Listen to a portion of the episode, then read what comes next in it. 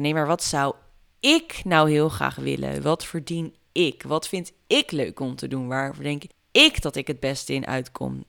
En als dat dan zo is, is dat dan een juiste match? Want het is zo fijn als we allemaal voor onszelf leren denken. Welkom bij Inner Essence, de podcast waar jouw essentie nog meer naar voren mag komen. Door te ontdekken wie jij diep van binnen bent en hoe jij wilt dat jouw leven eruit ziet. Omdat jij 100% jezelf mag en hoort te zijn. Het waard bent om zelf te bepalen hoe jij jouw leven wilt leven vanuit jouw ware essentie en jij alles in je hebt om dat leven waar te maken. Ben jij er klaar voor om samen met mij de ontdekkingsreis naar jezelf te maken? Zodat jij vol liefde voor jezelf en vol vertrouwen in jezelf jouw leven gaat leven zoals jij dat wilt? Blijf dan zeker luisteren.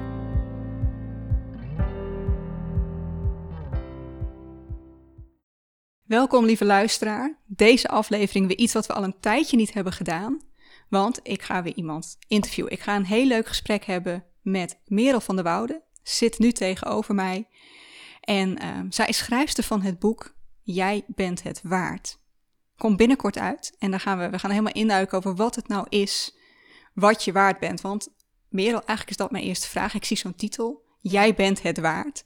Wat is het? Wat zijn we waard? Je bent het waard. Ja, het is leuk dat jij dat zegt, het inderdaad. Want jij legt dus uh, de klemtoon op het. En ik zou dan de klemtoon leggen op waard. Of op jij bijvoorbeeld. Jij bent het waard. Ik zou hem echt heel breed willen trekken. Dat heb ik eigenlijk ook gedaan in mijn boek. Dus aan de ene kant heb ik het heel erg over financiële waarde. Mm -hmm. En aan de andere kant dat stukje eigenwaarde. En dat komt ook heel erg uit mijn eigen verhaal. Ik ben, um, ik ben begonnen als ondernemer, als onderhandelcoach, waarbij ik vrouwen hielp om beter te onderhandelen over geld. Ik help vrouwen daar nog steeds bij, dus waarbij ik vrouwen help om beter te onderhandelen over geld. En wat ik merkte toen ik veel vrouwen daarbij coachte, is dat ik kon methodes aandragen, strategieën, ik kon alles doen. Maar als het in de kern, als jij niet gelooft dat je het waard bent om die salarisverhoging te krijgen of meer geld te verdienen, dan zit je aan die onderhandeltafel en dan komt het gewoon niet goed over. En dan kun je nog zo'n goede strategie hebben, maar dan mist er een stukje. En daar is eigenlijk dat stukje eigenwaarde bij gekomen. En mijn tweede bedrijf, waarin ik veel meer zit op eigenwaarde. Vind jij het jezelf waard om uh, ook bijvoorbeeld voor de liefde te kiezen of een business te starten? Je, ja, wat het ook is, misschien wel een boek te schrijven of naar het buitenland te verhuizen of Um, het hoeft geen eens iets heel groots te zijn. En vind jij het jezelf waard om, um, ja, you name it. Daar komt eigenlijk je bent het waard vandaan. Dus het is eigenlijk gewoon alles. Het is alles. En vooral ook, het is heel relatief in de zin van, wat is voor jou het? Ja. Wat zou voor jou het het zijn wat je vindt dat je waard bent om te krijgen? Of dat nou geld is, of een huis, of, of de liefde, of een vriendschap, of... Ja, het kan van alles zijn. en als ik naar mezelf kijk, sowieso wat jij nu zegt over het, het financiële stukje. Um, dan merk ik dat wel. Ja. Als jij nu zegt dat gaat vooral om vind je het jezelf waard, mm. durf je dit voor jezelf te vragen, die is ontzettend herkenbaar. En um, ik moet eerlijk bekennen dat ik daar ook nog wel eens dan een ander wil vragen van ja, wat, wat is nou eigenlijk gangbaar om te vragen en ben ik dat ook waard, terwijl dat eigenlijk inderdaad vanuit jezelf zou moeten komen. Interessant, hè? Ja, en ik denk dat, nou, ik denk niet, ik weet dat velen van ons dat hebben. heel veel hebben dat. Maar herken jij dat ook? Tuurlijk herken ik het ook, omdat um, ik denk wel dat ik altijd een beetje de grenzen opzoek in, in überhaupt in het leven. Dus waar kan ik een beetje kijken hoe ver ik kan gaan. Of dat nou is met een tegenvoorstel doen met onderhandelen. Of bijvoorbeeld met, uh, nou ja, een beetje met het vele reizen of net even een bus nemen in een gebied wat net een beetje gevaarlijk eigenlijk is. Weet je, ik, ik stretch always boundaries eigenlijk uh, op alle vlakken in mijn leven. Um, maar nu ben ik eigenlijk de vraag kwijt. Um, of jij het ook bij jezelf herkende, oh, dat, ja. dat, over, over, dat je naar je waarde durft te vragen. Hè? Of je, ja. Je... ja, wat ik ook merk is, ik, ik word er steeds beter ook in. Um, ik heb wel altijd het idee, en dat heb ik ook vanaf kinds af aan gehad, dat ik het waard ben om, bijvoorbeeld een klein voorbeeld van als kind bijvoorbeeld. Ehm, als, je, als ik dan eh, bij een vriendinnetje wilde slapen of een vriendinnetje bij mij, dan zei ik, oh kom, we gaan vragen of we bij elkaar mogen slapen.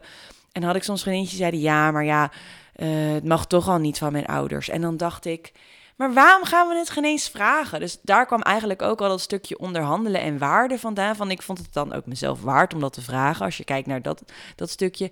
Maar het financiële waardestukje van vind ik het mezelf waard? Dat begon natuurlijk toen ik met, met werken begon. En als ik nu terugkijk naar 10, 15 jaar geleden, dan stond ik er ook natuurlijk heel anders in dan nu. Dus het is ook leren. Nou, ik heb, ik heb natuurlijk wel, ik heb jouw boek al even mogen lezen. Ja. En jij was wel iemand, las ik, die zich echt helemaal had voorbereid. Je had Mhm. helemaal uitgezocht wat verdienen mensen die met, van, met mijn opleiding en, en mijn eh, ervaring, wat verdienen die ongeveer en wat Mhm. wil ik verdienen. Ja. Zo ben ik er niet in gegaan. Nee, de meeste niet. En dat is dus wel leuk, want toen ik, toen ik ook zo voorbereid aan die gesprekken inging, ik weet nog zo goed dat binnen het bedrijf waar ik werkte, dat ze zeiden, nou Merel, we hebben nog nooit iemand gehad die zo voorbereid naar een salarisonderhandeling komt. En ik dacht, hé, doet niet iedereen dit? Ga je niet? Ik, ik, ik kon er gewoon niet bij. Ik dacht, als ik nou deze baan, zeg maar, krijg, wat, wat zou ik dan willen verdienen? Wat is de marktwaarde en in waar, waar onderscheid ik mezelf nou van de markt? En waar zit mijn potentie? Waar zit mijn groei? En ik zag het ook nooit als strijd, maar meer als een spel. Van, nou ja, kijk, als werkgever zijn jullie op zoek naar een hele goede werknemer die werk kan verrichten. En ik als werknemer kan werk verrichten voor de werkgever, zodat het bedrijf weer meer verdient. En het is, het is, een, het is een wisselwerking. En als nou beide partijen blij worden, ik dacht, ik ga er gewoon zitten en ik ga eens kijken wat ik eruit kan halen. Maar ik denk dat heel veel dat inderdaad niet hebben. Die, want ik denk dat de meeste mensen sowieso een sollicitatiegesprek al ingaan met... ik hoop dat ze mij willen hebben, in plaats van dat je gaat Hmm. kijken van... Hé, is dit voor ons allebei? Voel ik mij daar goed en voelen zij zich goed bij mij? Ja, Ehm, maar toen ik vers de universiteit uit kwam rollen, ik had nul zelfvertrouwen. En dan komen we weer op dat stukje zelfvertrouwen, Ja. het stukje eigenwaarde.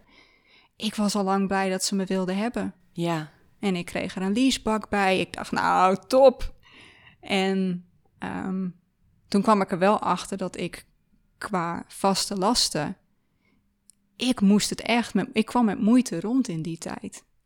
En eh, toen ging ik naar een andere werkgever. En daar heb ik me ook niet goed voorbereid.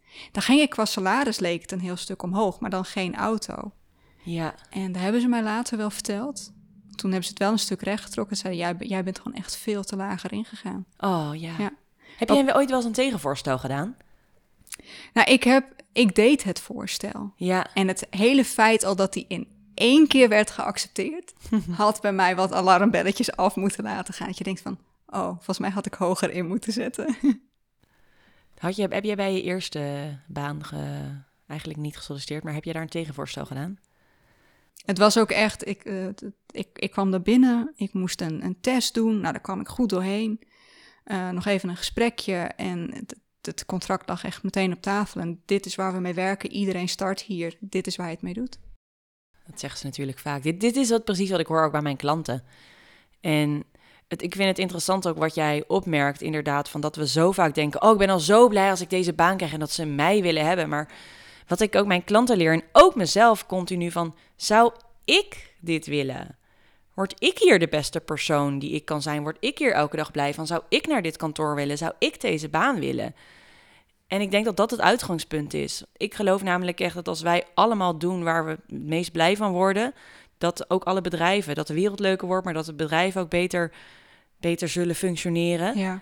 En het is zo grappig, we vullen, we, we doen zoveel aannames in ons leven. Zoveel aannames voor, ja, voor de werkgever. Of bijvoorbeeld de vriendinnetjes van mij vroeger die dan zeiden, ja, dat mag toch niet van mijn ouders. Je hebt geen flauw idee, je hebt nog nooit gevraagd. Zeg maar, en we steken hem gelijk zo in dat, nou, de ander zal het dan wel weten. Of wat ik ook veel hoor als je dan over een werkgever-werknemerrelatie hebt. Ja, de werkgever zal dan wel weten wat ik hoor te verdienen. Nou, daar ging ik inderdaad wel vanuit dat de werkgever het Ja. beter zou weten dan ik. Interessant, hè? Dat is toch hoe wij dan worden, worden opgevoed hier in Nederland, volgens het systeem. Want hoe kan het dat wij dat allemaal denken? Ja, en toch kan ik me niet herinneren dat ik dat echt als, als boodschap heb gekregen. Weet je wat het ook heel vaak is met van die, van die ehm, stereotyperingen? Die zijn, zo, eh, zijn er zo ingeslepen dat we vaak geen eens doorhebben waar ze precies zitten en hoe het gezegd Ja. wordt. Maar het is natuurlijk wel grappig dat een hele generatie hetzelfde denkt. Dus het is Dat ik wel, ja. ergens is het zaadje geplant. Ja. De volgende generatie, eh, nee, eigenlijk die generatie daaronder alweer. Is dat generatie Z? Ik weet het even niet. Maar zegt die nu een beetje zo twintig zijn. Die zijn zo anders. Dat is heel interessant. Ik las laatst eh, in het Financiële Dagblad ook een interview over wat zij belangrijk vinden als zij een eerste baan krijgen. En? Ja, zij vinden bijvoorbeeld salaris heel belangrijk. En als je kijkt bijvoorbeeld naar de millennials, die hadden niet salaris op één staan. Doorgroeimogelijkheden. En, en je ziet dat, dat die nieuwe generatie salaris op één zet, maar daarnaast ook wel veel meer vrijheid wil. Die, die weten veel. Het lijkt wel of ze heel goed weten wat ze willen en dat ze ook daarvoor durven te gaan staan. Ik merk voor mij dat voor mij vrijheid en, en, en mijn eigen ding kunnen doen. Ik, ik ben niet iemand die je zegt, dit is wat je moet doen en dit is hoe je het moet doen. Ik wil dat zelf uit kunnen zoeken. Ja, Ehm, is voor mij veel belangrijker dan salaris. ja. Dus het, eigenlijk, ergens verbaast het me wel dat salaris dan toch zo belangrijk is. Ja, dat het blijft. Ja, Maar weet je natuurlijk leuk is? Het kan ook en-en zijn. Want ik krijg heel vaak te horen als mensen dan horen dat ik onderhanden coach ben over geld. Ja, maar ik vind geld niet belangrijk. Of ze zeggen bijvoorbeeld, nee, ehm, maar ja, ik heb liever een leuke baan. Ja, Ja. Dat, dat is precies hoe ik het ook zou zeggen. Maar wat nou als je en een leuke baan kunt hebben en daar goed voor betaald kunt worden? En dat zou het uitgangspunt moeten zijn, vind ik. Het kan ook. Ik kan me wel voorstellen dat dat is hoe we opgevoed worden. Dat die twee niet samen kunnen gaan. Ja, ik denk dat er toch iets zit in, in ons systeem. Hoe waar, want dat is wel iets wat ik veel hoor. Ja. Nou kijk, ik, ik merk wel dat ik ben opgevoed met werken doe je om te kunnen leven. Mhm. En dan bedoel ik, hè, je, je moet werken, want dan krijg je salaris en daarvan kun je jezelf onderhouden. Maar werken doe je niet omdat het leuk is. Ja. Dat is heel erg hoe ik voor mijn gevoel ben opgevoed. Ja. En hoe sta je daar nu dan in? Eh, nou, ik zit nu veel meer aan de kant dat ik werk ook echt leuk moet vinden. Ja, Veel leuker. ja. Word je ook veel gelukkiger van. Alleen ik vraag me af of ik dat nog weer in loondienst zou kunnen vinden. Ik weet het niet. Nee, dat vraag, nee, dat vraag ik me ook wel eens af. Ik, ik stel mezelf ook wel eens die vraag: zou ik nog in een loondienst willen? Ik denk het niet. Tenzij het een hele uitdagende baan is. Maar ik heb zo'n. Ik ben bijna, ik ben bijna acht jaar al eh, eh, uit loondienst. En ik heb zo'n vrij leven. En ik mag zulke mooie klanten helpen op mijn voorwaarden, wanneer ik wil. En ik werk wanneer ik wil en ik werk hoeveel uur ik wil. Ik vraag me af of ik ooit nog terug zou kunnen. Überhaupt naar, we gaan dan naar kantoor of je moet een x aantal uren werken. Ehm, Ja, want jij hebt wel een tijd in loondienst gewerkt. ja, ja, ik ben in de advocatuur begonnen en ben daarna de internationale consultancy ingegaan. In de IT-consultancy in de bankensector. Hmm. En ik ben daarvoor naar Toronto eh, geëmigreerd. Heb ik voor de Noord-Amerikaanse markt gewerkt aan de business tak. Dus ik was een business consultant in een IT-consultancybedrijf waar we SAP-implementaties deden in de bank. wereld. Hele mond vol. Ja, ik zou het zeggen. Ik denk dat de meeste luisteraars denken, ik heb geen idee wat SAP Wat is. maar ze? wat zegt ze? Wat zegt ze? Kom zelf ook uit de IT's. Voor mij is Ja. het wel... Ja, Ik denk niet dat het, dat het uitleg behoeft. Nee, het- nee het- in ieder geval laat ik het zo zeggen. Ik zat in een hele corporate wereld, echt in de zakenwereld. En ik was de enige jonge vrouw überhaupt. We hadden geen vrouwen in het management. Eh, dat vond ik ook natuurlijk heel interessant. Eh, nou, interessant was niet het juiste woord. Dat vond ik heel vreemd. Dat, dat bracht ik ook wel vaak op, de- op tafel. Dat kaart ik vaak aan. En je hebt niet voor je gevoel dat je werd aangenomen om wat meer diversiteit erin te brengen? Of ben jij wel echt aangenomen, denk je, vanwege jouw kunnen? Ik denk dat je ook dat het allebei dus kan. Dus ook, Ja. Nee, ook ik, al- geloof het ook, maar Ja. je hoort nu natuurlijk ook wel veel, ja, eh, omdat de diversiteit omhoog moet, moeten we meer vrouwen aannemen. Ja. Maar ja, je kunt natuurlijk nog, de- de- nog op diversiteit eh, aannemen en dan nog de beste nemen. Ja, Want dat is natuurlijk ook altijd zo'n discussie. Dat ze dan zeggen, ja, ben je, ben je daarom aangenomen? Ja, maar ik ben ook goed. Het is zeg maar Ja. en-en. Het is niet of-of. Ehm, ik denk het niet, maar dat, dat, zo heb ik het nooit gezien. Maar je weet het natuurlijk nooit. Ik weet ook niet of diversiteit in Canada zo, Amerika, Canada, of dat daar zo speelt als hier. Dat weet ik ook niet. En dat is nu ook alweer... Ik ben in 2013 aangenomen. Dan hebben we het wel over tien jaar geleden. Ja, dat Toch is al wel wel een weer heel... een hele andere tijd. Ja, ja. Ik, eh, het is wel een heel grappig verhaal hoe ik ben aangenomen. Want ik, ik kwam in gesprek met de, met de CEO terwijl ik als hostess aan het werken was hier in Nederland. En hij kwam erachter dat ik eh, in de advocatuur aan het solliciteren was en dat ik net mijn master had afgerond. En die sloeg stel achterover dat een advocaat, nou een lawyer, dat is natuurlijk niet een advocaat letterlijk vertaald, eh, hier nu aan het werk is eh, als hostess. Nou, dat kon die echt niet geloven. en eh, ik vat even mijn cv samen in een minuut of, nee, in één minuut, zoiets. Echt een En- elevator pitch. Echt een elevator pitch, inderdaad. En toen zei de CEO van... Ik denk jij voor ons bedrijf moet komen werken. Ik denk dat jij nu naar New York moet komen. Ik ben precies op zoek naar iemand zoals jij. En toen hebben zij dus een functie voor mij gecreëerd. Geen grap. En Ja, toen dat, ben dat, ik dat direct klinkt in gaan werken. niet, niet alsof je Nee, dus ik denk echt het op niet. je kunnen bent aangenomen. Ik, ben, ik heb ook niet gesolliciteerd. Nee. Nee. Nee. Nee. Ik vraag me, heb ik ooit gesolliciteerd? Nee, dat denk ik dus niet. In de zin van gesolliciteerd naar een nieuwe baan. Nee, Hm, Kijk, als je gevraagd wordt, solliciteer je natuurlijk ook, hè? Maar Ja, daar heb je wel een stapje voor. klopt, klopt. Nee, en vanuit daar ben je volgens mij meteen zelfstandig ondernemer geworden, toch? Ben je met Ja, Blackbird Negotiations begonnen? klopt. Ja, daar ben ik het eerste bedrijf gestart. Gelijk daarna. Ja. Was dat toen meteen als onderhandelcoach? Of? Ja. Ik weet nog heel goed, toen, ehm, toen ik mijn afscheidsetentje had, zei de CEO tegen mij... Merel, je moet echt iets met onderhandelen doen, want je bent zo'n sterke onderhandelaar. En daar werd onder andere weer het zaadje wat, wat ja, geplant. En ik dacht, en ik had het ook heel erg gezien, van wat nou als ik vrouwen kan helpen om beter te onderhandelen over geld? Ik kwam er gewoon achter dat vrouwen minder betaald kregen, dat er minder vrouwen in de top zaten. Ik, en ik was heel goed in onderhandelen. En ja, ik vind onderhandelen ook heel leuk. Dus dat je denkt, ja, uiteindelijk is het niks anders dan invloed uitoefenen om te krijgen wat je wilt. Ja. En ik dacht, dit wil ik heel graag anderen leren. En ook dat stukje geld, het is nog steeds zo'n taboe onderwerp.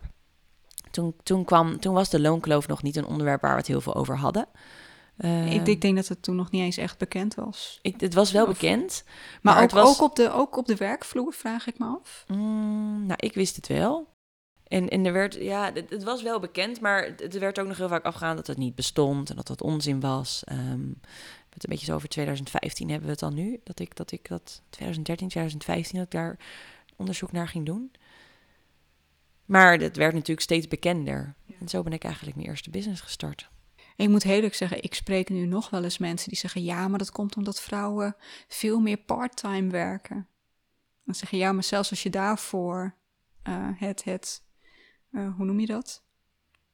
Nou, als je dat allemaal weghaalt, dan nog verdienen wij heel veel minder. Ja, ja, het is wel een heel complex verhaal. Het is echt niet waar, waar ik in één, één seconde of één minuut wat over kan vertellen. Omdat het, het heeft te maken met stereotyperingen. Maar zeker heeft het ook te maken met parttime werken. Het heeft met zoveel te maken. Wat voor soort beroepen we in zitten. Maar ja, het bestaat zeker. Ja, ik weet niet of dat natuurlijk. Of dat zo bedoeld is, maar ik weet nog wel dat ik. Ik, ja, ik kom uit de IT, dus ik was ook een van de weinige vrouwen op kantoor. Ja, En eh, nou ja, mijn, eh, mijn huidige partner was destijds collega van mij. ja. We hadden precies hetzelfde beroep. Maar hij verdiende een stuk meer dan ik. En dat is. eh, ik weet niet, ik denk dat dat onder andere is, ook is omdat hij, hij werkte daar al veel langer. Hij is zo'n beetje bij de start van het bedrijf, is hij daar al ingerold. Ehm, maar ik denk dat het ook te maken heeft met toch wel dat ik mezelf een hele slechte onderhandelingspositie heb gegeven. Is dat ook waar je denkt dat het. Wat ook een oorzaak is, dat wij inderdaad als vrouw zo slecht zijn. Ja, slecht. Ik vind het een beetje een rotwoord, maar dat wij minder goed zijn in onderhandelen. Nou, over het algemeen is dat dus niet waar, blijkt. We zijn niet slechter in onderhandelen. Ehm, Oké. er- Dus ja, er is een onderzoek gedaan, ook weer vanuit Harvard Uni- University. Ehm, maar wat er wel is, is dat mannen en vrouwen anders beoordeeld worden. Dus als een vrouw Mm. stevig onderhandelt, ehm, wordt dat haar afgerekend, eigenlijk aangerekend in een negatieve zin. Oké. Er is een onderzoek gedaan en het, he- het heet Does it hurt to ask? En eh, de vraag is dus eigenlijk, eh, kan het vrouwen schade doen als zij om een salarisverhoging vragen? Ja, het kan. Oké. Als een vrouw stevig onderhandelt, krijgt ze sneller nee dan wanneer een man eh, stevig onderhandelt. Dus het is, het is zo'n complex, groot onderwerp Ja. waar professoren op zitten. Dat je kunt eigenlijk niet zeggen een man onderhandelt beter of een vrouw onderhandelt beter. Er zijn wel dingen die we zien. Een man eh, onderhandelt op potentie, een vrouw vaker niet, dat blijkt. En- Onderhandelen op potentie betekent, stel je voor, er is een vacature met eh 10, waar je met 10 vereisten. Dit is een, ik sla het voor, voorbeeld plat, hè. En Ja, ik, ja, ehm, stel dat, eh, dat er een man is en die denkt, nou, ik heb wel zes van deze vereisten. Nou, die andere vier, dat is potentie, dat ga ik waarmaken. Dus die solliciteert. Ja. En eh, een vrouw die voldoet er aan negen, die denkt, ja, shit, maar die tiende, die heb ik niet. Ik weet niet zo goed of ik hierop ga solliciteren. Ja, dat is dus heel herkenbaar. Ja. Maar het is dus ook, we staan hier niet bij stil, maar vrouwen worden dus minder vaak aangenomen op potentie. En mannen worden wel aangenomen op potentie. Dus het is zo complex. Maar wat ik dus ook altijd mijn klanten leer, wij, wij mogen ook aangenomen worden op potentie. En wij mogen ook onderhandelen op potentie. Ik heb dat zelf ook altijd gedaan. Ik zei altijd, dit is de rol waarin ik wil groeien. En dan krijg je altijd, je mag je eerst bewijzen. Je mag je eerst bewijzen, omdat ik hier nu zit. En wat, wat we vaak dus zien, is dat iemand krijgt promotie. Als je dan het gesprek aangaat van, oh, nou ja, bij promotie komen meer verantwoordelijkheden. Kijk, dat je promotie hebt gekregen, betekent natuurlijk dat je iets goed hebt gedaan. Mhm. Dan hoor je heel vaak, oh, maar dan mag je je eerst bewijzen. Nou, ik heb mij bewezen omdat ik promotie maak. Ja. Dus, dus eh, laat je niet kisten. Bedenk ook echt wat degene die tegenover mij zit. Klopt dit nou wat ze zeggen? Maar wat ik nu eigenlijk wel begrijp is dat het dus niet alleen is dat wij beter moeten worden in onderhandelen.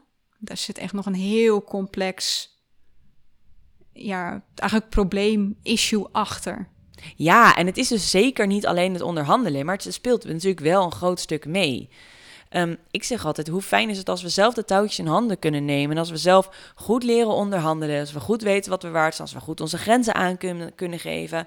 Dat scheelt gewoon een heel groot stuk. Maar dat neemt niet weg dat de, zeg maar, dat de, de stereotyperingen, die nemen we niet in één keer weg. Dus wat ik vaak zeg is, kijk, ik geloof dat wij, deze generatie, verandering kunnen creëren.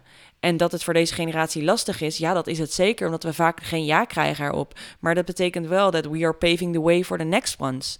Zeg maar. En, en met deze generatie, over welke generatie heb je het dan? Ja, eigenlijk de millennials waar ik nog in zit. Dat is de generatie die voor het eerst echt denkt... hé, hey, tot hier niet verder. Dit is niet eerlijk. Ik bedoel, vorige generaties ook, hè. Eh, want er is al zoveel, ehm, er is al zoveel aan gedaan. Alleen, ik denk wel dat er nu echt langzaam verandering in komt. Dat zie je ook. Vanuit het Europees Parlement is er ook een initiatief... en dat heet Omdat ik het verdien. En dat gaat ook over eigenlijk de ongelijke betaling. Dus je Mhm. ziet dat het veel meer ehm, eigenlijk zichtbaarheid krijgt. En dat betekent dus dat veel meer bedrijven ermee bezig zijn. Ze zijn ook bezig met een wetsvoorstel. Wat betekent dat volgens mij bedrijven vanaf 200 werknemers nu eh, transparant horen te zijn over loon. Dus dat betekent niet dat jij kunt zien welke naam wat verdient, maar wel Mhm. welke rol wat verdient. Ja. Dus er wordt veel aan gedaan, er is veel verandering. En daarom zeg ik, deze generatie is daarmee bezig. Dat betekent niet dat wij meteen verandering zien, maar wel dat wij stapjes zetten om verandering te creëren. Het, het, het is in ieder geval de start van de verandering die, Ja. wij, die wij nu... Ja, ik weet niet of het de start is, maar laat ik het Ja. zeggen dat het steeds wat groter wordt. Dat er meer impact is. Ja, verandering is natuurlijk nooit een... eh, we, we, we veranderen nu en het is meteen... Dat, dat, dat is iets wat... Het zou ook wel kunnen hoor. Het kan wel, maar... Ik denk niet dat je dat lukt. Ja, omdat je dan het hele systeem wil veranderen. En dat is dus niet waar ik op zit. Nee. Ik zit op, ik ga mijn klanten helpen. Ehm, Ja. Kijk, als ik wacht totdat de wetgeving klaar is, zodat alle bedrijven klaar zijn, ja, dan ben ik 80, bij wijze van spreken. Ik hoop het niet. Eh, maar waar we nu verandering kunnen creëren, is bij jezelf. Ja, en dat, dat zit dan voor jou, volgens mij, tenminste, dat is wel waar het boek begint. We gingen niet het hele boek door, maar dat begint dus heel erg bij dat eigenwaarde, zeg Ja. je. Ja, vind je het jezelf waard? Als we het bijvoorbeeld hebben over loondienst, vind je het jezelf waard om een bepaald salaris te verdienen? Vind je het zelf waard dat jij promotie krijgt? Of vind je het jezelf waard om... En dat klinkt nu heel erg, vind je het jezelf, dus dat klinkt al bijna als, hé, je hebt promotie gekregen en vind je het jezelf ook waard, maar het is meer, eh, vind je het jezelf waard om daarvoor te gaan? En pas als je dat in jezelf voelt, dan, tenminste, dat is een beetje het gevoel dat ik erbij krijg. Als je, zo- zolang je niet voelt dat je het waard bent, ga je het niet voor elkaar krijgen. Ik denk dat dat een heel groot... Ik weet niet of je het niet voor elkaar gaat, maar ik denk dat dat een heel groot stuk erbij bij helpt. Echt een heel groot stuk. Als jij namelijk niet in jezelf gelooft, hoe gaat een ander dat wel doen? Datzelfde met een onderhandeling. Als ik, als ik niet geloof dat ik dit salaris verdien, hoe ga ik dan de, de, zeg maar, degene waarmee ik onderhandel over mijn salaris, de werkgever, overtuigen dat ik dit salaris hoor te krijgen? Dat, gaat, dat, dat, dat wordt hartstikke lastig. Ik denk dat je het niet eens in woorden weet uit te drukken. Nee, Dus, Nee. dus daar begint het voor mijn idee. Echt Ja. dat dat eigenwaarde, dat zelf, echt op jezelf ook durven vertrouwen. En is dat iets wat... Nou, nou weet ik, jou, jij coacht vrouwen, dus ik weet niet of je weet hoe dat bij mannen is. Maar denk je dat dat bij vrouwen zoveel minder is? Dat wij daar ehm, ja, een grotere drempel hebben die we over Weet moeten? ik niet. Weet ik echt niet. Nee. Nee. Ik weet ook niet de onderzoeken daarbij met zelfvertrouwen en eigenwaarde. Nee, dat weet ik niet. Heb je een idee waar het... Want dit, dit, is wat je veel ziet bij je klanten, gaf je net aan. Mhm. Weet je waar het vandaan komt? Dat, dat we blijkbaar met z'n allen... Of ja, een groot deel van, van de vrouwelijke bevolking daar zoveel last van heeft. Dan denk ik, ben ik het waard? Ja, Kan ik het waarmaken? Waar het vandaan komt? Ik denk dat dat heel divers is eigenlijk. Maar vaak zie je wel dat in, in de kern een overtuiging erop neerkomt van... Ja, ben, ben ik dit eigenlijk wel waard? En misschien is ooit een keer in je jeugd... heeft iemand wel wat tegen je gezegd dat je er misschien niet goed in was... of dat het misschien niet ging lukken. Ik geloof namelijk echt dat wij, weet je als babytjes geboren worden... en dan eigenlijk is alles nog mogelijk. En dan heb je nog Ja. ook een hele mooie fantasie. En dan, weet je, dan ben je kind en dan mag je groot dromen... en dan mag dat allemaal nog. En dan heb je fantasieën, grote dromen. Ik zou het geen eens fantasieën willen noemen. Want met het woord fantasie ehm, ontnemen we eigenlijk ook alweer de kans om iets magisch te creëren. Terwijl ik in magie geloof. Ik geloof in grote dingen. Dus als je het fantasie noemt, dan wordt dat afgedaan als dat niet mogelijk. Als je dus ouder wordt, dan word je verteld, dan moet je even realistisch doen. Ja, Ja, dat is ja, leuk ja. dat jij zo groot droomt, maar nee, jij gaat gewoon in loondienst. Wauw, dit is een geweldig huis. Ja, maar nee, dat is alleen voor hele rijke mensen. En jij, ja, Er wordt ons zo vaak verteld dat we iets niet kunnen als kind, of dat het niet realistisch is. Of het nou is door, door je ouders of caretakers, of door eh, misschien wel de teachers op school. Het, dat grote dromen wat wij hebben, dat wordt continu.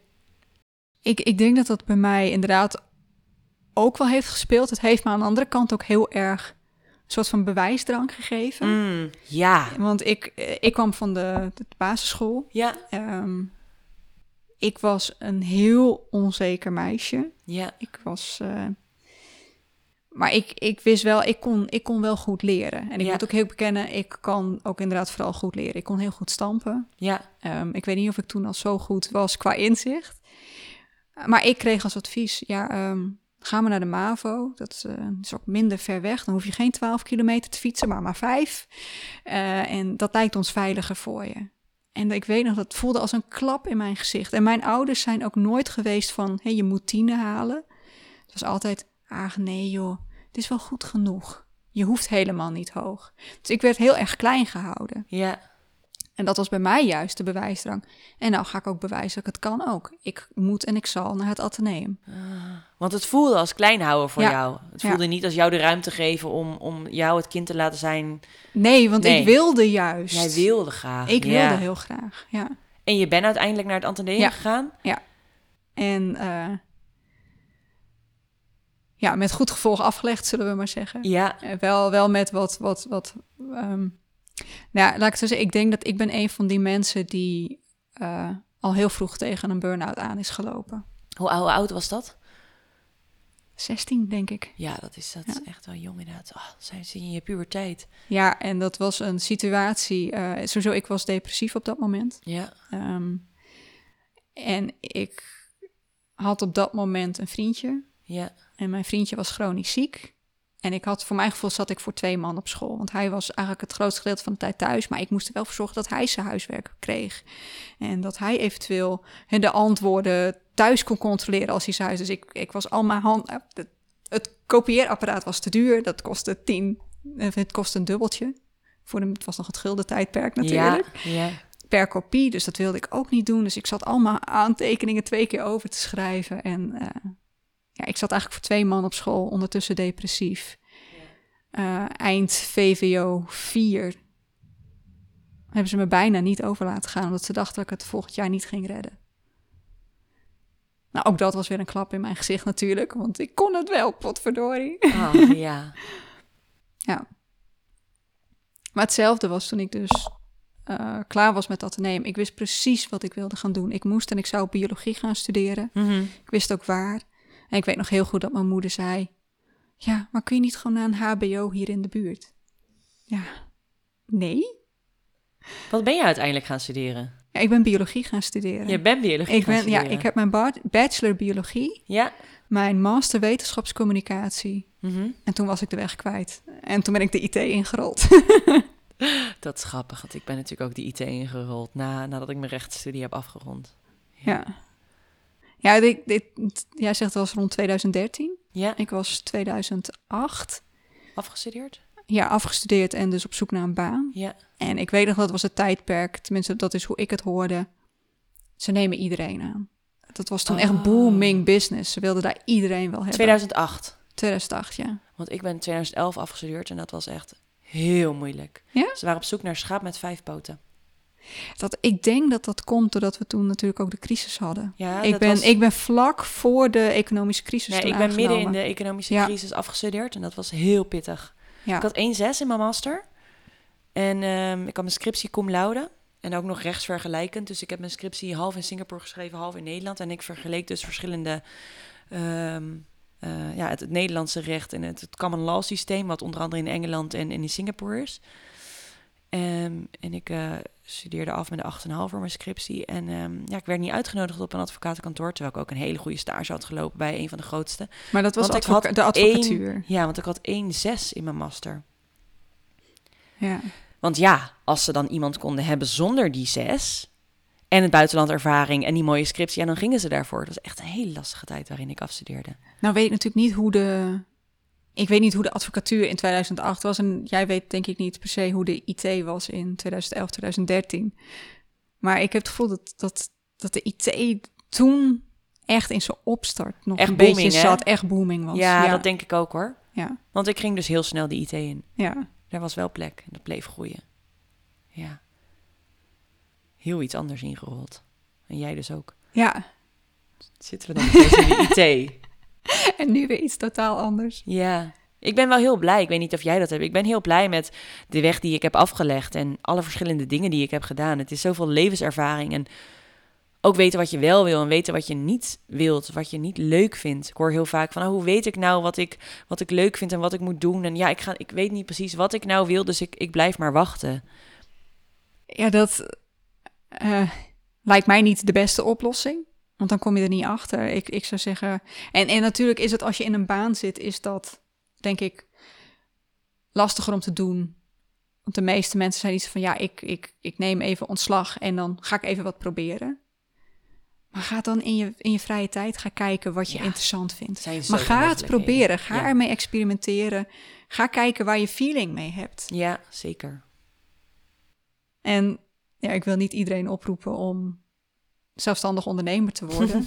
maar dan moet je opeens dat schaap met vijf poten zijn. Je moet alles zelf doen, tenzij je het geld hebt om het meteen allemaal uit te besteden. Ja, Eh, nou, en toen kwam ik erachter dat er gewoon zo, het waren zoveel verschillende dingen die ik leuk vond.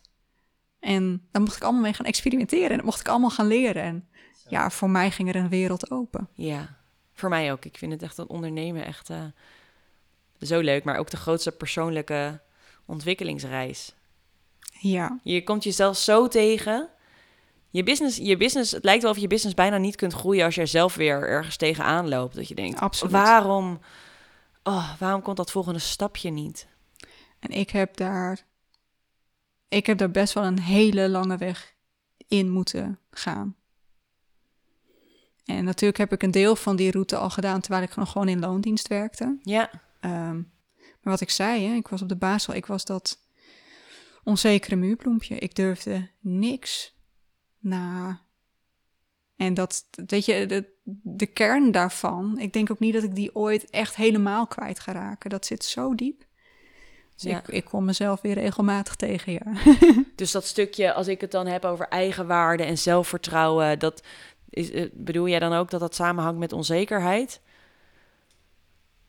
Ik denk wel dat zelfvertrouwen en, en onzeker zijn echt wel met elkaar te maken Hmm. hebben. Ja, ik weet, ik weet niet, ik denk niet dat het synoniemen van elkaar zijn, hè, Hmm. maar ehm, ja, ik, dat denk ik wel. Want hoe heb jij meer zelfvertrouwen gekregen? Want mijn boek gaat natuurlijk voor een heel groot Ja. deel ook over zelfvertrouwen. Hoe, hoe heb Door, jij het door te doen. Ja, Door te doen, absoluut. Zo grappig, hè? Dit, dit antwoord. Alleen ik merk wel, ik, ik heb het heel vaak in een wel wat veilige setting gedaan. En ja, Ehm, nou zou je kunnen zeggen, ontslag nemen en voor jezelf beginnen is niet veilig. En ik durf het ook wel eerlijk in de podcast te zeggen. Ik heb gewoon, ik heb eerst nog een jaar in de WW gezeten, had ik nog een inkomen. ja, Maar ik denk dat ik daarna twee jaar zonder inkomen heb gedaan. zo. En ik had gelukkig spaargeld Ja. en een partner. Maar je bent absoluut niet de enige, hè? Nee, maar het, het, het voelt wel alsof ik nog een heel veilig kokonnetje had, omdat ik spaargeld had en een Ja. partner had die het niet erg vond om voor mij te betalen. Ja, wat fijn. Ehm, maar ik kon daar, hè, zoals deze podcast, ja, ik, ik ben er gewoon mee begonnen en gekeken van ja, ik, ik kijk wel waar het schip strandt. Ja, Maar er zat niet een het moet achter. En dat maakte het veilig. ja, snap ik. Dat merk ik heel erg met zelfvertrouwen. Dat het is niet iets wat, wat, wat in één keer komt, maar het is wel iets waarin, waaraan je kunt werken om echt op te Ja. leren op jezelf te vertrouwen. En dat is elke dag een stapje zetten. Maar ook dus juist door datgene te gaan doen wat wel spannend is. Maar je kunt natuurlijk altijd kijken van tot wat, tot welke hoogte is het voor mij zeg maar haalbaar om dit stapje te zetten. En wat jij ook zegt bijvoorbeeld dat je je baan opzegt en dat je spaargeld hebt en dat je een partner hebt die voor je zorgt. Dat zijn natuurlijk dingen die enorm meespelen. Ja. Nou, voor iedereen is die situatie anders. Als ik met mijn klanten ook meekijk, dan gaan we ook opschrijven van wat heb je eigenlijk nodig je, om een volgende stap te zetten. Om dus ook het, het vertrouwen te hebben, het zelfvertrouwen te hebben dat die stap gaat lukken. Maar ook het zelfvertrouwen dat als die stap niet gaat lukken, dat het dan ook goed komt. Dat er dan een andere stap komt. Ja, ja.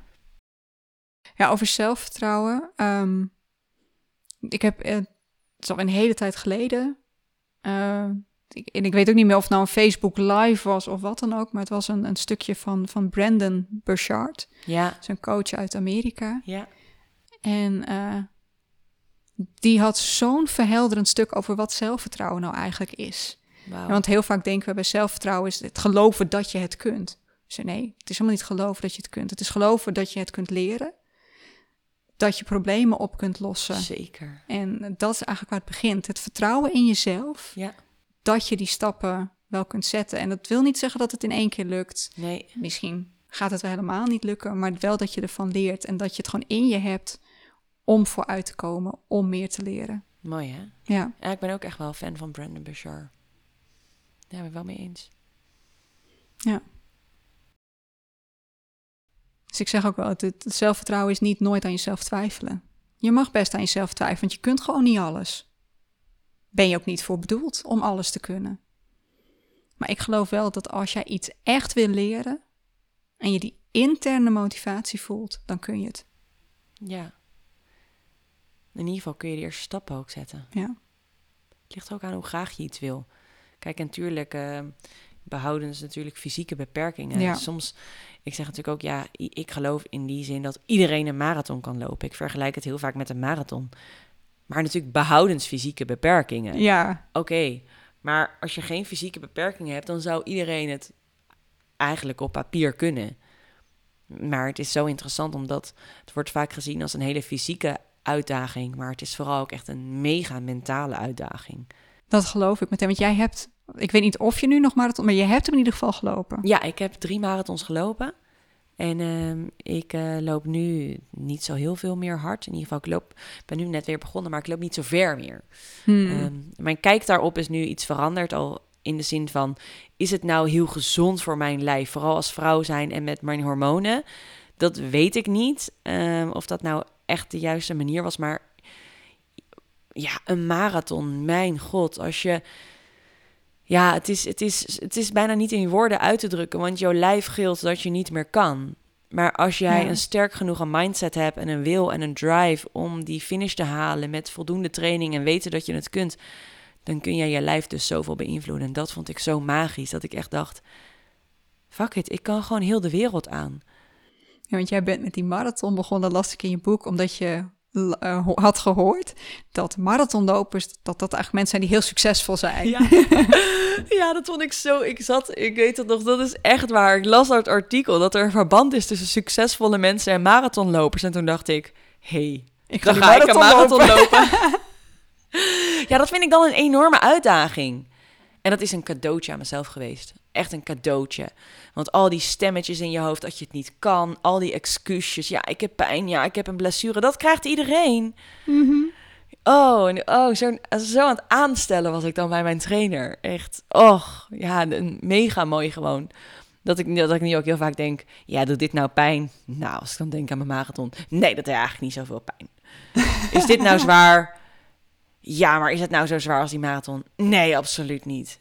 Dus het is zo heerlijk om het dingen te relativeren. Ik zeg, het zet dingen in perspectief, of Ja, niet? en dat is natuurlijk ook met alles wat ons overkomt wat vreselijk is. Zet, bezet het leven weer in perspectief. Soms kunnen we zo klagen over dingen waarvan je denkt... Kijk, een klaag is helemaal niet erg, hè? Want ik bedoel, sommige kleine dingen kunnen we ook heel vervelend vinden. Betekent niet dat dat waarover je klaagt dat het niks meer is... omdat er altijd iets ergers is. Maar soms is het wel fijn om even je leven in perspectief te zetten. Ja. Ja, het is alleen...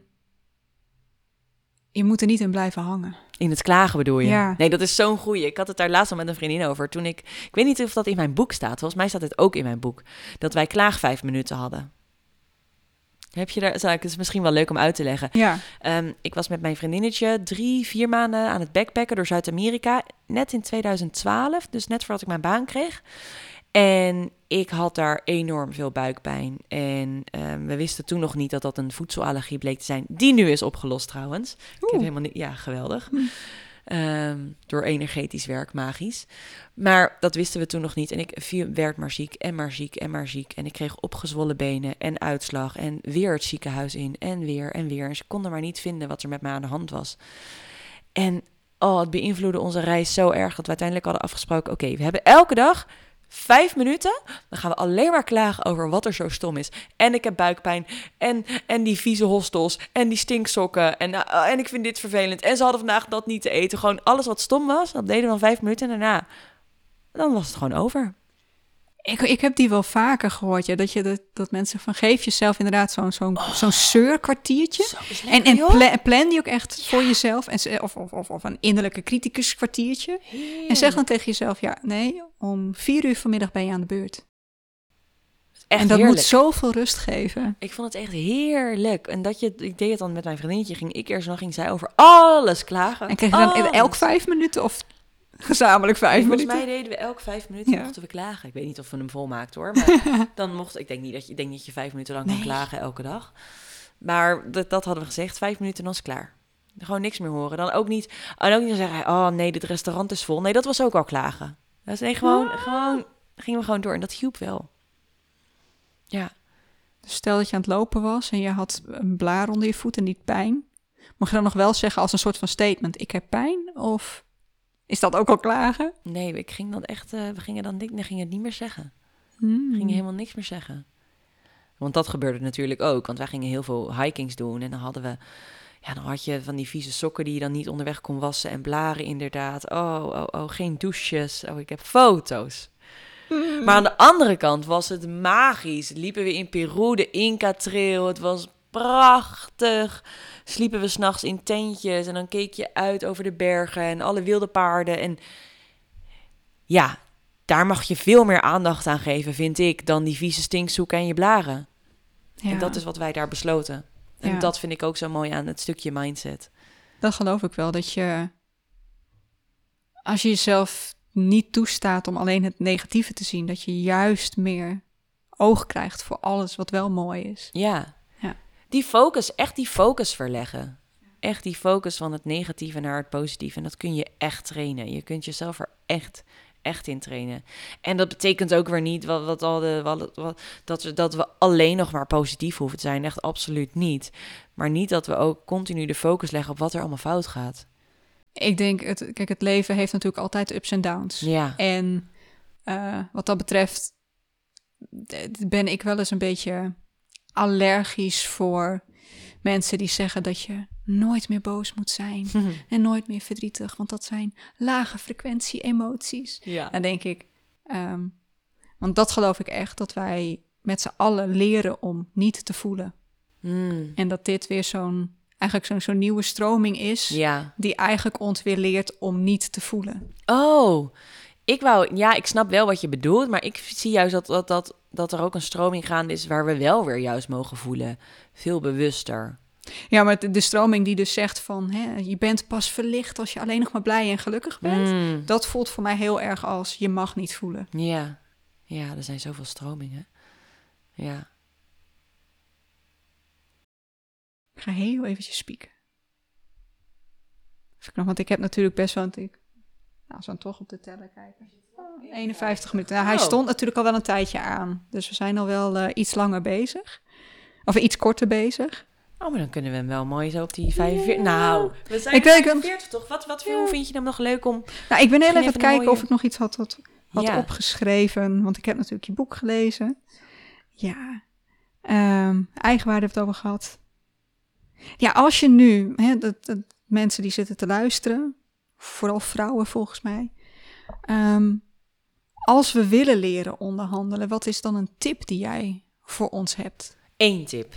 Nou ja, je mag ook meerdere geven hoor. Maar het, eh, Nee, ik doe, ik doe één tip. Ik denk dat de allergrootste tip is om te bedenken... wat wil jij heel graag?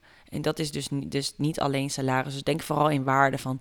wat zou voor jou nou een mega mooi salaris zijn? Bijvoorbeeld, of een mega mooie uitkomst. Ik, het moet niet salaris zijn. Wat hmm, zou voor jou een mega mooie uitkomst zijn als je gaat onderhandelen? En vul het dan eens voor jezelf in en niet meteen eigenlijk vanuit de wederpartij gaan kijken. Nee, maar wat zou ik nou heel graag willen? Wat verdien ik? Wat vind ik leuk om te doen? Waar denk ik dat ik het beste in uitkom?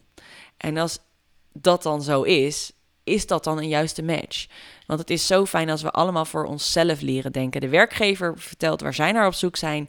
En als werknemer vertel jij waar jij naar op zoek bent. En als dat een match is, dan is er magie. En als jij al vanuit de werknemerkant helemaal je gaat inpassen in iets om maar aangenomen te worden. Ik geloof niet dat het een succes wordt. nee. Oh, maar kiezen voor ik is toch zo spannend, hè? Oh, want dan. Maar niet, niet alleen in je werk. Ik Nee. denk, ik denk nu ook meteen aan privé en hoe vaak we wel niet ons aanpassen aan bijvoorbeeld de wensen van onze ouders of de Ja. wensen van onze partner. Ja, Eh, zeker. En de Ja. verwachtingen vanuit de maatschappij natuurlijk Oh. ook. Ja. ja, Dus, het, dus ehm, ja, het is ik. Wat wil ik? want als ik, als ik jou inderdaad jouw verhaal is, in jouw boek schrijf je ook heel veel over jezelf, over wat je zelf allemaal hebt gedaan. Nou ja, even immigreren naar Toronto. Nou, dan neem je ontslag en dan volgens mij is de volgende stap Bali. Ja, En je gaat naar Mexico en je Ja. doet dit en je doet dat. En dan denk ik, wow, ja, Wat een krachtig persoon die zo voor zichzelf durft te kiezen. ja. En het is ook al spannend. Ja, ik, ik, Maar heb, ik ik heb enorm respect voor en ik vind, ik vind het echt ontzettend sterk. Ja. Ja, Dank je. Ja, ik moet zeggen, ik vind het soms ook wel eens spannend. En kijk, ik krijg natuurlijk wel eens te horen dat, dat nou, dat vind ik wel, vind het wel egoïstisch. Ja, Dat is natuurlijk de andere kant, als je heel erg voor ik kiest. Maar ik geloof als we allemaal voor ik kiezen, dat als we eerst voor onszelf kiezen, dat we dan pas een ander kunnen helpen. You know, you can't pour from an empty cup. Nee, hetzelfde geldt inderdaad voor voor jezelf zorgen. Ja, want het Zorg is, voor dat je het. eigen energie op peil is voordat je er voor een ander kunt zijn. Ja, ja. En, en ik geloof echt dat als we meer voor onszelf leren kiezen en meer ons eigen leven gaan leven, dan worden we zulke fijnere mensen om bij Ja. in de buurt te zijn. Ja, en dat is dus zo leuk. Dat als ik dan wel eens, dat is dat komt dan vooral uit de rela- relationele sfeer natuurlijk. Zo'n opmerking als je bent egoïstisch. Maar als iedereen nou meer zou gaan staan voor wat zij echt willen en voelen. En de ander communiceert dat ook, dan kun je er samen uitkomen van oké, wat willen we dan samen? ja. Oh, maar het is echt waar wat je, wat je ook zegt. En dat zeg ik ook altijd. Het zou zoveel mooiere wereld zijn als we allemaal bedenken wat we nodig hebben. Wat we het leukst vinden om te doen. En hoe wij ons leven willen inrichten. Dat je ook lief voor jezelf zijn. En vanuit daar kun je ook voor de ander er zijn. Volledig. Ja, maar daar zijn ook nog heel veel trauma's om op te lossen. Ja, Ja, zeker. Ja, want ik denk dat het dat, dat gebrek aan eigenwaarde ligt in een toch wel kindertijd waar we inderdaad heel veel te horen hebben gekregen wat allemaal niet mogelijk is en dat daar ook het is een beetje een, een, een, een grote uitspraak om zo te doen, maar ik denk dat de meeste van ons, hoewel we denken dat onze kindertijd heel goed was, maar de meeste van ons hebben daar best wel wat wonden opgelopen. Ja, ze zeggen van wel. Uit Ja. onderzoek blijkt dat ook, hè? Zeker Ja. tot en met zeven jaar. Dat daar gewoon. Het kan, het kan een hele kleine opmerking zijn geweest die zoveel impact nu heeft op ons volwassen leven. Ja. En daar ben je je hele leven bezig, mee bezig om die weer weg te strijken, zeg maar. Maar hoe mooi is het dat we het ook kunnen veranderen? Dus als we, Ja. als we erachter komen wat ons nou tegenhoudt, waar, waar onze pijnen zitten. En als we die durven aankijken, dat je dan ook denkt, nou, ik, ik wil dit ook heel graag veranderen. Dat je dan ook weet dat het kan. Dat vind ik dus ook zo maar, omdat we in die zin zo, zo plastisch zijn. Ons brein ook, dat, dat die plasticiteit die we hebben, dat we ook terug kunnen bouncen. Of, en het is nog ineens terugbouncen, dat we ook kunnen veranderen eigenlijk. Want ja, ook als mensen zeggen, dan word ik weer de oude. En dan vraag ik me af, ja, wil je de oude worden voor je een nieuwe versie van jezelf? Of, dus ik vind woorden ook heel belangrijk. Welke woorden gebruiken we als we, zelf, als we praten over onszelf of over onze toekomst? En het woord niet of altijd of nooit of moeten. Ik probeer dat ook best wel te vermijden. Omdat ik dat heel, dat vind ik heel lastig. Omdat ik gewoon, dat ik gewoon geloof en dat ik hoop dat we groter kunnen zijn. En nou, het is geen groter, dat we een magischere wereld kunnen creëren dan die er nu al is. Daar wil ik ook in geloven. Ja. Dat wil ik echt. Ja, over die woorden. Dat vond ik ook nog wel een sterke die je noemde in het boek. Dat ik dacht, ja, verrek, zo werkt inderdaad. En ik, ik, ik, ik hoor dat wel vaker. Je moet niet zeggen moeten, je moet zeggen willen. Ja. En dan, maar wat je daarover zei, over dat alleen al zeggen, hè, eh, ik wil, dat dat bij jezelf iets in gang zet, waardoor je gaat nadenken, en wil ik dat ook Mhm. echt? Ja. Dat je er daarmee achterkomt, maar wat wil ik nou? Of Eigenlijk misschien nog wel meer, wat wil ik niet? Dat Ja. is de eerste stap, maar Ja. Ik vind dat zo mooi. Ik moet. Ik, ik weet niet of er een persoon hier op de wereld is die, die het lekker vindt om te horen: ik moet of jij moet. Ik, ik, ik vind dat niet. Ik, ik kom niet veel mensen tegen die zeggen: ja, vind ik lekker als jij tegen mij zegt dat moet je. Of ik, nou ja, ik moet dit, jij moet dit. Nee, nee ik ben denk er het altijd. Ik wil. voor geweest. Ja, ik wil, ik wil dit heel graag. Ik wil dit heel graag. Ik, Ja. heb, ehm, ik heb een tijdje in een relatie gezeten waar heel veel moest. Hmm. Ja, En ik was daar veel te opstandig voor. ja, Ik kon dat niet. nee. Kan me voorstellen. Heeft me bijna mijn kop gekost, maar Zo. Ja. Ja, wat fijn dat je eruit bent dan. Mooie lessen geleerd. ja. Ik, ben, het, ik heb daar zeker wel lessen uit geleerd, maar het heeft ook, ook wel heel veel weer wat ik, waar ik bij mezelf mee aan de slag moest als gevolg daarvan. Dat Mm. weet ik nog wel. Ja. Jammer is dat ook wel, hè? Ja. Ja. Maar ik ben inderdaad, ik ben best wel allergisch voor dat woordje moeten. En het, ik, ik, ik, ik merk het ook meteen bij mezelf op als ik hem noem. Ik ook. Ik ook. Ja. En weet je wat leuk is? Ik werkte voor mijn boek natuurlijk met verschillende editors. En kijk, alle woorden die in het boek staan, die zijn door mij opgeschreven, maar soms zijn zinnen veranderd. Ja, Alinea's herschreven.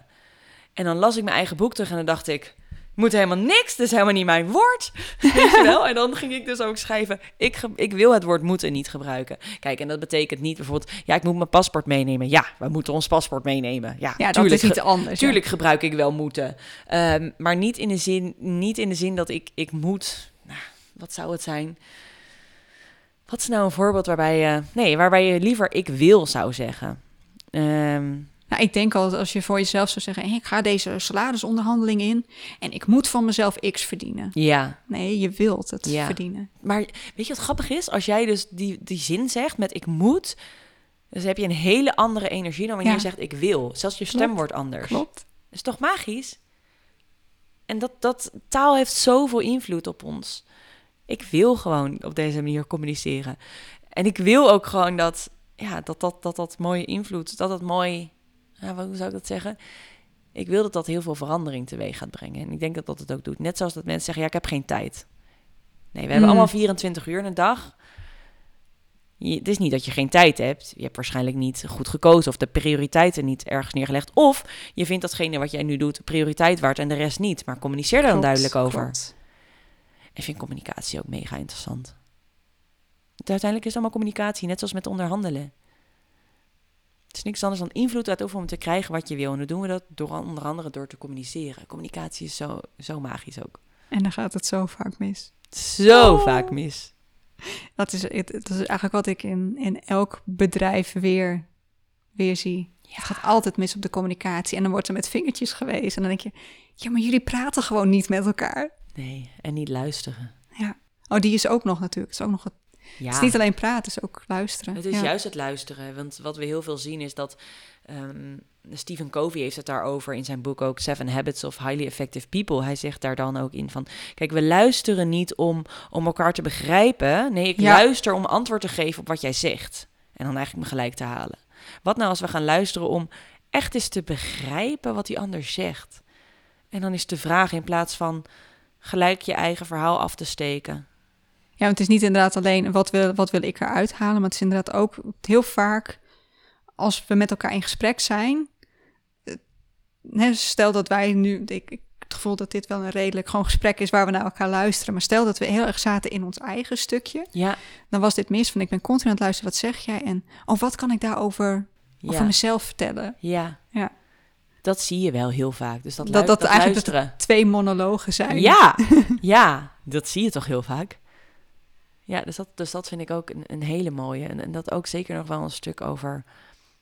Ja, een stuk wat heel veel in mijn boek terugkomt. Communicatie, communiceren, luisteren. Luisteren om te begrijpen, niet luisteren om te antwoorden. Ja. Ik merk dat ik, ik word nog wel een beetje getriggerd door het woord communicatie. Ja? Ja, dat ik dat wel. Ik denk dat ik het nog wel spannend vind om mezelf te laten horen. Mm. Vind ik, dan vind ik het zo knap dat jij dus een podcast opneemt. Maar weet je dat wat ik zei over hey, ik doe de veilige stappen? Mhm.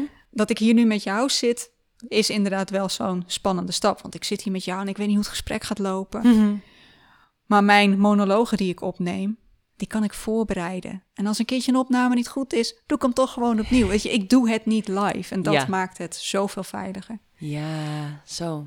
Maar ik merk wel in eh, dat ik in wat ik zeg en hoe ik mijn boodschap breng, nog wel eens denk van durf ik het op deze manier te zeggen? Mm. Ja.